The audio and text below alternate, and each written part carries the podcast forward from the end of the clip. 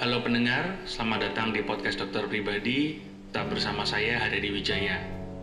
Harus kita akui, gadget sudah menjadi salah satu bagian tidak terpisahkan dari kehidupan masyarakat modern. Bahkan saat ini, anak-anak kita di usia dini juga sudah terbiasa menggunakan gadget, baik untuk sarana belajar maupun sebagai sarana hiburan. Hal ini tentunya menjadi perhatian bagi orang tua, karena dikhawatirkan penggunaan gadget dapat mempengaruhi pertumbuhan mata pada anak.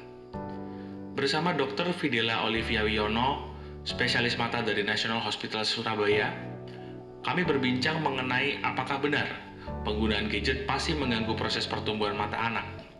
Kemudian, bagaimana sih penggunaan gadget yang baik dan benar untuk kesehatan mata? Tidak lupa, kami juga menanyakan mengenai produk-produk yang katanya bisa membantu meminimalisir pengaruh penggunaan gadget pada mata kita. Mari simak perbincangan kami.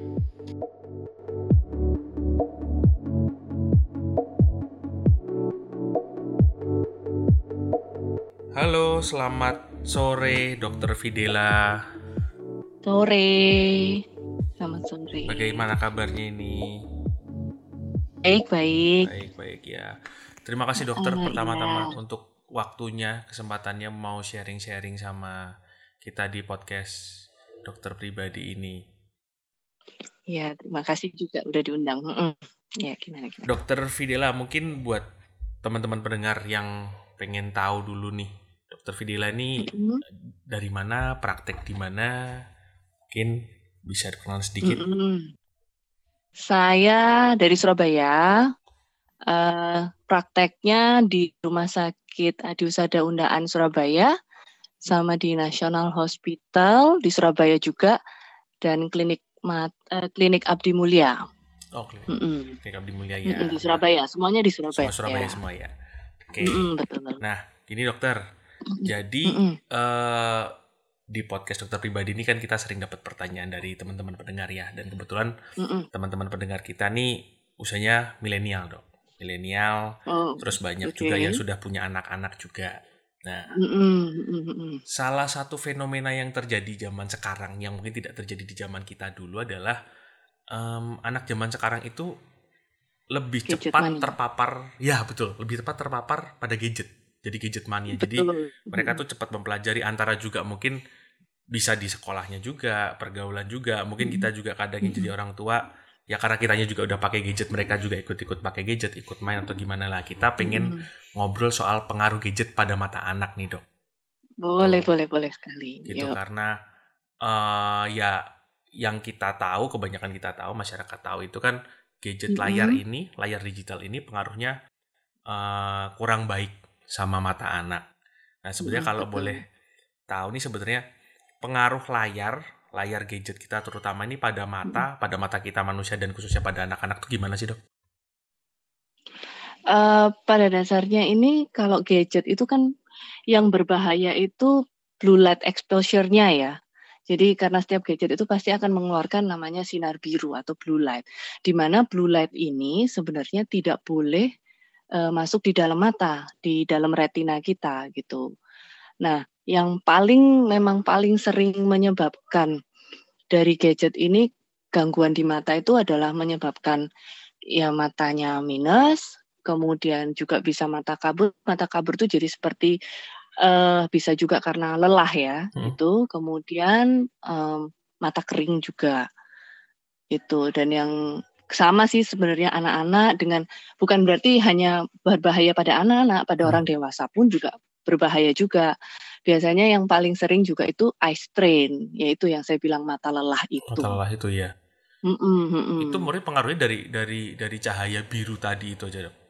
Atau Iya, jadi dari eh, paparan dari sinar birunya itu Hmm. gadget itu. Mm-mm. Ya, ya, ya, karena memang untuk menampilkan berbagai macam warna ini kan salah satu komponennya cahaya berwarna biru itu ya Iya, sebenarnya. mm, betul.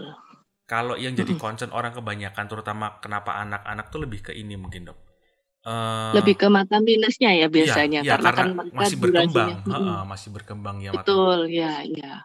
Jadi mata minus ini kompleks. Kalau orang tanya itu kenapa sih penyebab mata minus kita eh, dasarnya dulu ya. Jadi mata minus itu bia- adalah karena panjang aksial bola matanya itu yang lebih memanjang dari normal. Hmm. Sehingga ya akhirnya cahaya yang masuk itu akan jatuh di depan retina-retina ini kalau bahasa awamnya biasanya orang bilang saraf mata.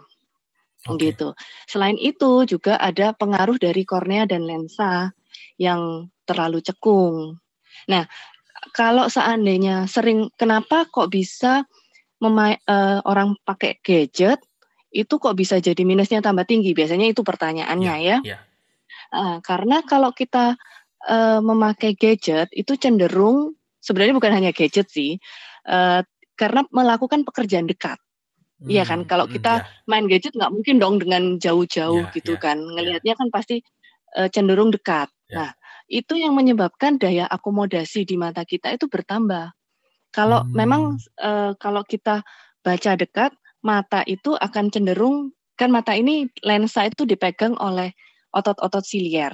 Hmm. Ada yang namanya otot silier. Nah, itu dia akan berakomodasi, dia akan berusaha untuk memfokuskan untuk ke hmm. depan retina. Nah, itu akomodasi yang terus-menerus itu yang bisa menyebabkan matanya jadi lebih gampang uh, minus itu. Selain itu juga kalau yang awal-awal ya mungkin masih capek aja gitu, gampang oh, capek. Iya iya iya iya. Ya. Katanya nanti kerasa pusing lah uh, atau sepet katanya orang biasanya bener, gitu. Bener matanya matanya kayak paling apa ya paling capek-capek pegel-pegel lah mungkin awalnya ya, dari pegel -pegel. situ. Nah kadang diterusin itu sebenarnya kayak dari itu sebenarnya reaksi tubuh kita sebenarnya pinter banget loh tubuh kita ini Tuhan itu menciptakan tubuh kita ini luar biasa. Itu sebenarnya kayak sudah alarm buat kita bahwa uh, kamu harus berhenti gitu. Tapi kadang kita abaikan terus aja mungkin ya karena kalau uh, kalau anak-anak ya karena nanggung nih lagi lagi, lagi ngegame kan. Ya. Nah, itu biasanya gitu. Anak-anak cenderung mengabaikan biasanya. Oh, jadi sebenarnya gitu. yang jadi kekawat sebenarnya nggak ada bedanya sama waktu dulu ketika kalau orang tua kita ngomong kalau baca jangan deket-deket. Iya, uh, ya. cuman kalau uh, uh, benar-benar karena baca dekat itu pun juga juga suatu uh, faktor resiko sih. Cuman sekarang kan pada banyak yang menggunakan e-book. Nah, itu menurut penelitian sih memang dengan membaca e-book dibandingkan dengan baca yang konvensional, ya lebih disarankan menggunakan yang baca konvensional sih, Mas ya. Oh, iya. Ya iya, karena iya. mungkin ada pengaruh dari blue light blue itu light sendiri itu ya. Sendiri, betul. Mm -mm. Selain itu memang uh, kalau ada hubungannya juga miopia itu dalam satu penelitian itu dikatakan berhubungan dengan uh, hormon dopamin. Nah, oh, okay. ini nih, uh -uh. makanya biasanya gini, hormon dopamin itu berhubungan dengan menghambat uh, pemanjangan bola mata. Yang tadi saya bilang kan, hmm. kalau misalnya miop itu hubungannya dengan panjang bola mata. Hmm. Nah, dengan kalau level dopaminnya itu uh, rendah, itu nanti cenderung bola matanya lebih gampang memanjang. Nah, gimana hmm. caranya supaya kita merangsang dopamin ini, hormon dopamin? Hormon dopamin itu biasanya hubungannya dengan hormon happy ya. Yeah. Seperti itu. Nah, itu didapatkan dari ke, dilakukan dengan kegiatan outdoor, misalnya ya rekreasi, terus uh, bermain uh, apa sepak bola dengan teman-teman itu kan bikin happy. Nah, itu merangsang uh, ini hormon dopamin itu. Makanya pada suatu penelitian juga mengatakan bahwa waktu itu pernah dilakukan penelitian pada anak-anak di mana yang banyak melakukan kegiatan outdoor dibandingkan dengan yang indoor, ternyata yang indoor ini lebih resiko tinggi untuk terjadi miopianya lebih besar begitu. Oh begitu. Jadi ada kaitannya justru di dopamin. Kalau kalau selama ini kan kita taunya oh karena yang suka outdoor tuh liatnya yang jauh-jauh, nggak nggak terlalu banyak. Iya selain selain itu juga betul memang lihat jauh jadi mata kita lebih beristirahat mm-hmm. nggak berakomodasi jadi mengurangi akomodasi itu selain itu juga ternyata ada kelebihan satunya merangsang keluarnya hormon dopamin itu gitu. mm-hmm. jadi banyak sih keuntungannya. Cuman ya kadang di sini alasan lagi lainnya adalah dok di sini kurang uh, ke uh, outdoornya untuk itu susah di di sini biasanya gitu betul, sih kadang-kadang orang, orang urban kota kan biasanya gitu ya. Iya, tempat bermainnya kurang tempat bermainnya kurang. Nah, Soalnya kan jadi pertanyaannya gini dok, ketika ketika kita ngomong apa ya, ya yang namanya orang tua mana pun lah. Baik lagi kalau kita fokus ke pengaruh gadget pada mata anak, yang namanya Mm-mm. orang tua itu kan di satu sisi mereka pengen memberikan yang terbaik, di satu sisi yang lain Mm-mm. juga pasti setiap orang punya constraint. Contoh misalnya gini, kalau yang sering kita temui kan eh kalau zaman dulu istilahnya memang istilahnya kayak kalau kita boleh ngomong smartphone belum ada, iPad belum ada, Mm-mm. laptop belum ada. Ya kita mainnya yang outdoor memang atau kita bacanya baca yang konvensional. Tapi dengan perkembangan Mm. zaman sekarang, mungkin bahkan anak-anak tuh kayak ada games-games pendidikan, aplikasi itu mereka kan mau nggak mau mereka harus pakai gadget tuh. Mau nggak mau kan Iya, iya akhirnya. Mm-mm. Nah, Mm. sebenarnya eh kalau kita ngomong ada nggak cara supaya apa ya istilahnya ya di satu sisi tetap memenuhi kebutuhan untuk mengikuti perkembangan zaman, tapi di sisi yang lain cara menggunakan gadgetnya dengan ya lebih aman. Eh, paling gampang sih memang kalau untuk pembatasan itu tetap ada ya. Kalau ini kita bicara anak-anak, menurut eh, rekomendasi dari American Academy of Pediatrics itu memang biasanya pada usia anak yang di bawah 18 bulan itu sebaiknya memang belum penggunaan gadget itu belum diberikan kecuali misalnya kadang kan susah nih eh, saya juga working mommy ya jadi kadang kan kita juga perlu pantau anak-anak kita gitu ya betul. jadi eh, tetap itu boleh misalnya kalau pas dok gimana dok anak saya masih 8 bulan tapi saya kangen nih saya kepingin ngelihat misalnya pas Hmm. keluar negeri atau keluar kota atau ke mana lah ya Hmm. boleh jadi untuk anak di bawah 18 bulan selain video call itu nggak boleh jadi ya masih di, di, diperbolehkan kalau untuk video call tapi selain itu misalnya eh, kadang nonton eh, kadang gini anak nggak mau makan udah ditontonin aja deh Ya betul. gadget gitu. Eh, itu sebenarnya tidak disarankan Hmm. gitu. Jadi di bawah 18 bulan ya. Ya. Jadi sebaiknya memang penggunaan gadget hanya untuk eh, video call. Dan lagi kan kalau kita video call nggak mungkin dalam sampai berjam-jam ya. Betul. Sekali kan paling anak juga. eh, eh, tapi beda kalau misalnya kalau kita kasih baby itu eh, nonton video atau ya apa pun Ha-ha. dari gadget itu biasanya akan lebih lama. Betul, betul. Misalnya untuk dia makan aja supaya duduk diam, pasti kan nggak mungkin hanya eh, lima menit, itu kan nggak mungkin, pasti Ya. lebih. Kadang ada anak yang susah makan bisa sampai setengah jam. Gitu. Nah kalau untuk anak yang di atasnya, eh, biasanya di usia 2 sampai 5 tahun itu satu jam per hari. Hmm, Gitu. Oke, oke. satu jam per hari. Nah, kalau yang yang susah nih kalau ditanyain kalau yang buat yang anak udah sekolah nih dok, yang di atas enam tahun gimana? Betul. Itu eh, pembatasannya dari dari keluarga sih ya. Jadi tapi harus continue, harus konsisten bahwa oke setiap hari misalnya kamu hanya boleh dua jam gitu.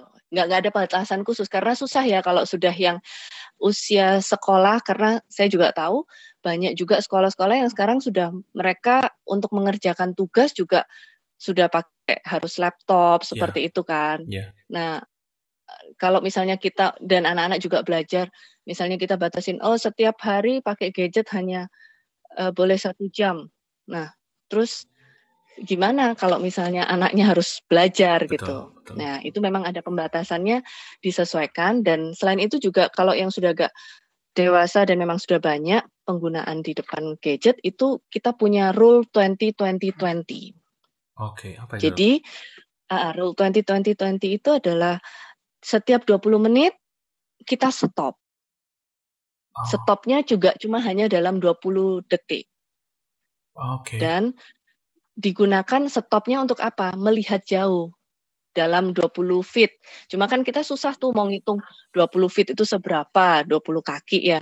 Ya pokoknya kita melihat jauh, jangan habis nggak ngelihat laptop atau eh, iPad, ngelihatnya handphone sama aja. Oh iya iya gitu. iya, iya.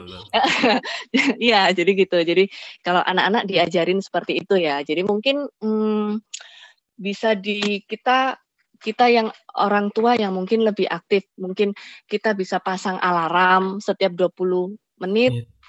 ada bunyi gitu. Jadi anak-anak tahu gitu kalau oh ini harusnya dia dia stop nih gitu. Kalau ada untuk anak yang udah lebih besar ya Mm, mm, mm. gitu. 20 feet Jadi harus sekitar, sekitar stop. 6 meter tuh ya dok ya? Sekitar Ya, sekitar em, 20 feet ya, 20 feet. nah. Jadi untuk melihat jauh eh, cukup hanya untuk 20 detik aja. Nanti Oh, Oke. baru tetap boleh dilanjutin. Jadi misalnya kita mau 6 jam tapi kalau 20 te- apa rule 2020-nya dijalankan sih eh, cukup bisa mengurangi lah ya Hmm, pengaruh hmm. gadgetnya itu. Mm-mm. Nah, kemudian untuk ini Seperti dok, kalau itu kan kita ngomong durasi. Salah satu Durasi betul. dura, eh, pengaruh durasi ya sebaiknya durasinya dibatasin kan berarti ada ada batasnya lah Mm-mm, kalau betul. Kalau saya Batasannya. boleh ngomong eh kalau jarak gimana Oh, dok? Sama ini kalau misalnya mau tidur Hmm. sebaiknya memang tidak. Jadi nggak pakai gadget sama sekali. Jadi satu atau dua jam sebelum tidur better memang nggak megang gadget. Wah, ini untuk anak-anak maupun orang dewasa sih sebenarnya. Bukan buat anak-anak aja, buat orang dewasa juga. Karena cenderung kalau kita udah mau tidur kita megang gadget itu nggak tidur-tidur ujungnya. Gitu. Ya ya ya. Ada Mm-mm. kayaknya pengaruh apa sama hormon melatonin ya dok ya kalau nggak salah blue light itu kalau nggak salah ya. Saya pernah Hmm, pernah mm-mm, baca sih iya. gitu. Nah kembali ini dok. Kalau tadi kan Mm-mm. soal durasi. Kemudian Mm-mm. eh gini, kalau salah satu salah sa- satu hal yang menurut saya yang mungkin eh, kita pengen tahu tuh kayak jarak pakai gadget tuh sebenarnya gimana sih dok? Karena gini, eh, karena kan ada orang-orang yang ngomong, eh jangan pakai deket-deket, tapi deket itu kan relatif. Tapi sebenarnya Relatif betul. Tapi ketika kita ngomong pengaruh jarak penggunaan gadget ataupun istilahnya aktivitas mata dekat ini sebenarnya Mm-mm. seperti apa sama terutama pada anak ya pertumbuhan mata pada anak ya. Kalau eh, pada dasarnya anak dengan dewasa sama kalau untuk jaraknya ya sama.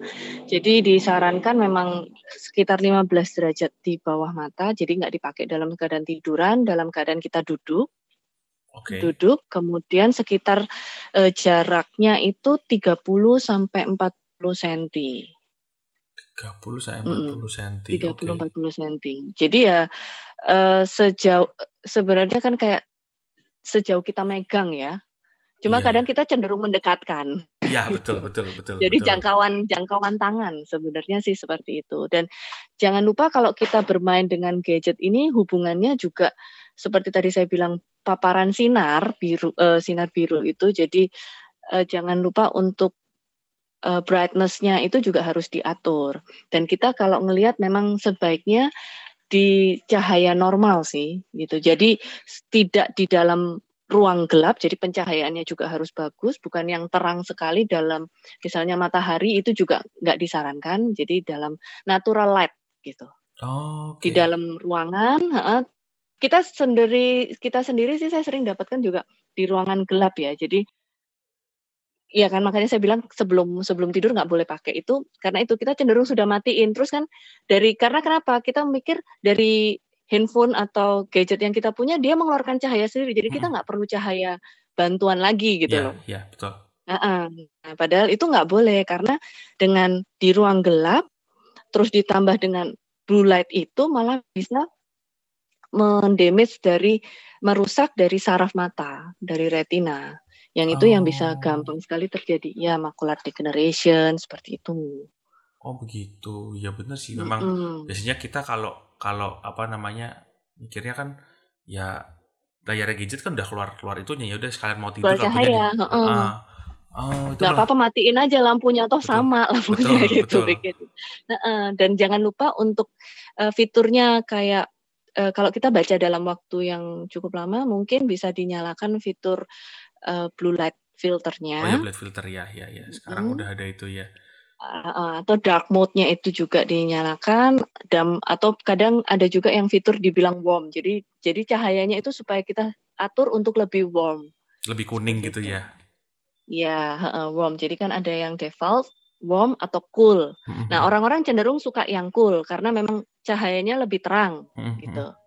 Kalau warm memang kayak lebih eh, kuning ya, lebih, lebih ke kuning. ya Mm-mm, betul. oh ya ya ya Jadi ya. untuk mengurangi high energy visible light-nya itu. oh ini ini mengupas salah satu kenapa orang nggak boleh baca di tempat gelap, nggak boleh itu di tempat gelap sebenarnya. Apalagi ge, tambah dengan gadget ini dia Itu. mengeluarkan cahaya biru, ngerusaknya tambah double berarti istilahnya ini ya. tambah double. Karena kalau misalnya di cahaya gelap kita baca zaman dulu itu eh, cenderung mata kita lebih berusaha lebih Iya. ekstra, Iya. akomodasinya lebih. Nah itu yang bikin kalau awal-awal mungkin cuman matanya jadi gampang capek, tapi akibatnya juga ujung-ujungnya juga bisa menambah minus, miop itu. Oh, Nah, kalau oke. sekarang orang pikir, oh kalau zaman dulu nggak ada cahayanya kurang, sekarang cahayanya udah ada nih dari dalam gadget. Padahal itu juga nggak boleh gitu. Jadi dari cahaya di dalam gadget itu ternyata ada blue light yang sebenarnya blue light itu juga nggak boleh terlalu banyak terekspos ataupun sebenarnya nggak boleh masuk red- eh, ke ke dalam Retina. mata kita, Mm-mm, retina, saraf Oh, mata. Oke, oke, oke. Iya. Tapi kan gitu, Mm-mm. sekarang ini banyak banget loh produk kacamata yang katanya ada kacamata ion yang uh, atau ya saya memblok blue light filter atau saya aman untuk penggunaan gadget itu memang bener pengaruh ya dok. Memang karena kan sekarang kita bisa dapat di mana aja tuh di di di optik-optik selalu menawarkan Iya. istilahnya lensa Mm. yang memiliki uh, ion filter itu dan Blue light. sebagainya. Ha, blue light itu. Kalau untuk blue light filter yang untuk eh, kita pasang filternya itu jadi di coating ya biasanya di coating dari jadi kacamata kita itu nggak apa-apa itu boleh boleh dipakai cuman yang mungkin yang sekarang juga yang sering di- ditawarkan itu ini ya kacamata ion ya Iya, iya.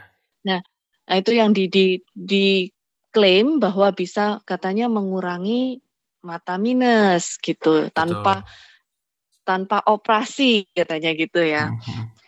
Tapi sebenarnya eh, kam- sampai saat ini sih menurut saya belum ada penelitian yang sahih. Jadi yang benar-benar karena yang dipaparkan itu hanya berdasarkan testimonial-testimonial. Nah, sedangkan kalau testimonial itu kan tidak bisa dijadikan patokan gitu. Hmm, Iya. Dan efek kerjanya pun tidak jelas ion yang seperti apa. Bagaimana bisa membuat jadi kan bisa membuat mata yang minus jadi nggak minus lagi seperti tadi apa dari ion itu panjang aksialnya jadi dikecilin atau gimana kan nggak jelas ionnya dibuat seperti apa. Oh, Nah, iya. tapi kalau eh, benar. Jadi kalau sampai saat ini untuk menanggulangi miop ya masih dengan kacamata yang kemudian atau kalau yang sudah lebih dewasa lagi yang sudah bisa hygiene-nya bagus bisa disarankan untuk ke kontak lens atau soft lens atau eh, kalau misalnya pada anak-anak yang hygiene-nya juga bagus untuk memperlambat peningkatan miop bisa juga eh, dengan ortoke. Ortoke itu seperti hard lens yang ditempelkan di mata semalaman. Dia untuk memflatkan kornea karena tadi kan seperti saya bilang tadi eh, kenapa bisa terjadi miop itu selain panjang aksial juga dari lensa dan atau korneanya korneanya yang terlalu cekung jadi di di flatin gitu. Oh, oke, iya, iya, iya. Heeh. Kalau yang teknologi lain lagi nanti kalau yang sudah di usia di atas 18 sampai 20 tahunan gitu bisa dengan lasik, laser gitu ya. Hmm, Mm-mm. Kalau iya, itu kan iya. jelas ada caranya. Nah, kalau ion ini sampai saat ini cara maksudnya caranya dia untuk mengurangi itu bagaimana itu nggak jelas. Jadi kami sih saya sih sarankan jangan percaya hoax ya. Karena nggak bisa hanya cuma berdasarkan testimonial 100 orang itu atau 10 orang kayaknya belum sahih karena penelitian yang sahih itu pasti akan bertahun-tahun dan penelitiannya biasanya akan lama dalam jangka waktu lama dan itu baru jelas. Hmm, ya, ya, ya. ya. Mm-mm. Kalau di kondisi Mhm. anak-anak, nah istilahnya kondisi anak-anak, anggaplah anak ini dari kecil dia memang sering pakai gadget, kemudian Mm-mm. dia muncul minus. Nah, sebenarnya kalau mata anak-anak itu dia masih berkembang sampai kapan sehingga bisa nggak? Misalnya dia waktu kecil itu dia banyak terpapar gadget, kemudian mungkin ada minusnya kecil lah. Terus istilahnya dia Mm-mm. sama orang tuanya dikurangin, dikurangin porsinya dia menggunakan gadget itu terus kemudian memang bisa istilahnya matanya terus kembali ke ke normal, Normal. atau Heeh, bisa nggak dok? Enggak. Nggak bisa Enggak ya? sih kalau sudah. Enggak. Jadi ya makanya cintailah mata Anda sedini mungkin. Oh, jadi memang istilahnya Iya, jadi kalau boleh kita kalau sudah sudah sudah terjadi miop ya ya udah gitu. Jadi yang eh, perkembangan mata anak bagus sekali pertanyaan. Jadi perkembangan mata anak itu sampai usia 18 tahun. Nah, jadi kadang kan orang gini loh, Dok, saya sudah periksa biasanya memang disarankan untuk periksa rutin ya. Jadi kita Hmm. bisa tahu eh, penambahannya berapa begitu. Jadi se- secepat mungkin untuk dikoreksi. Karena penggunaan s- tadi saya sebelum eh, lupa ngasih tahu juga. Sebenarnya kacamata itu bukan untuk menghilangkan minus, tapi kacamata itu fungsinya adalah mata kita dibuat beristirahat. Hmm, Beristirahat, tapi hmm, kita sudah bisa lihat jelas. hmm, Nah, kadang orang itu ada juga pemikiran bahwa saya nggak mau pakai kacamata karena supaya saya nggak tergantung. Loh, Justru dengan mat- nggak dipakai matanya itu akhirnya berakomodasi terus. Seperti saya tadi bilang di awal, jelaskan bahwa akomodasi itu yang bisa membuat menambah miopia, faktor resiko untuk terjadinya miopia juga. Kalau hmm. matanya berakomodasi terus. Nah, sekarang kalau memang perlu kacamata nggak dipakai, dipaksain matanya terus, ya bisa dibayangkan sendiri kan hasilnya Iya, seperti iya, apa. iya, Mm, iya. Jadi saya mau jelaskan di sini bahwa kacamata bukan menghilangkan minus salah, tapi kacamata itu membuat eh, mata kita beristirahat, tidak berakomodasi, tapi kita sudah bisa melihat dengan jelas. Itu Oh, oke, oke, oke, oke, penggunaan kacamata. Berarti, Kalau mau menghilangkan Hmm, Ya, jadi kalau menghilangkan atau mengurangi minus atau silinder nanti bisa dengan lasik. Tapi biasanya nanti dilakukan nanti ya setelah eh, usia di atas 18 tahun. Kenapa? Yaitu karena diharapkan eh, pemanjangan bola mata atau perkembangan bola mata itu sudah stop, sudah berhenti. hmm, ya, ya, ya, ya, ya. Hmm. Berarti istilahnya memang kenyataannya kalau namanya mata ini ya bisa katakan udah ada rusaknya karena miop itu ya itu sebenarnya sebenarnya permanen. Cuma dengan teknologi sekarang eh, adalah yang bisa membantu. Istilahnya begitu. Mm-mm, betul, Mm-mm, Ya, ya, begitu. ya. Berarti memang sebenarnya kalau gitu sejak sedini mungkin ini kita harus membiasakan lifestyle kepada anak-anak yang apa ya bersahabat buat mata kita lah ya dok ya. Ya, dan ya memang kalau bisa sih memang lebih banyak kegiatan outdoor itu ya anak-anak gitu. Mm, mm, buat diajak bermain. Mainnya juga jangan eh, biasanya kita ngajak main terus mainnya ke mall. Mallnya juga mainnya juga Depan layar juga juga, ya. ya main ke layar juga. Ya sama aja. Ya gitu sih. Iya iya ya iya. lebih banyak bermain. Misalnya main di rumah ya dengan permainan yang ada ya. Mungkin diajak main Bola. bola seperti itu. Iya Iya iya iya. Ini in- tadi info yang menarik itu ternyata dopamin itu membantu ya membantu istilahnya kad- membantu Mm-mm. membantu untuk menghambat per- eh, apa pemanjangan bola mata gitu. Hmm. Jadi bola matanya eh, terhambat gitu. Iya iya iya iya. Ini mungkin saran lah buat teman-teman kita selain itu kan juga tua. bikin happy kan? Betul, Mm-mm, betul. Happy anak-anak. Mm-mm. anak-anaknya happy, orang tuanya juga ikut happy juga karena orang tuanya juga juga memproduksi dopamin kan dok ya. Iya betul, sama-sama happy. Betul, apalagi juga karena sama-sama main, istilahnya eh, bondingnya antara orang tua dengan anak juga bisa lebih baik Terbentuk juga. Iya betul betul. Kalau main gadget sendiri-sendiri kan malah jadi malah jadi nggak deket ya dok. Ya ya ya ya. Oke oke. Eh mungkin kira-kira begitu, Dokter Iya. Fidel.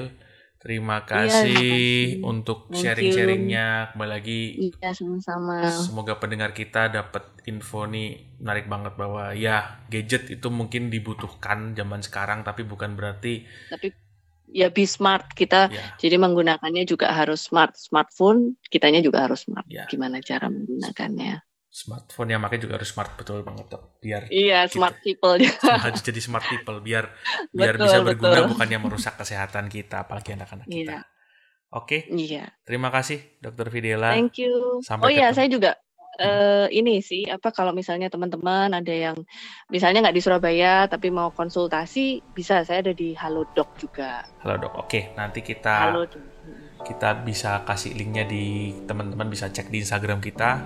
Setiap episode nanti kita kita Mm-mm. bakal bakal taruh linknya di situ untuk link ke Boleh. konsultasi ke dokter Vidila lewat aplikasi Halodoc. Iya. Oke, terima Iya, kasih dokter. Thank you. Thank you. Thank you Didi. Thank you.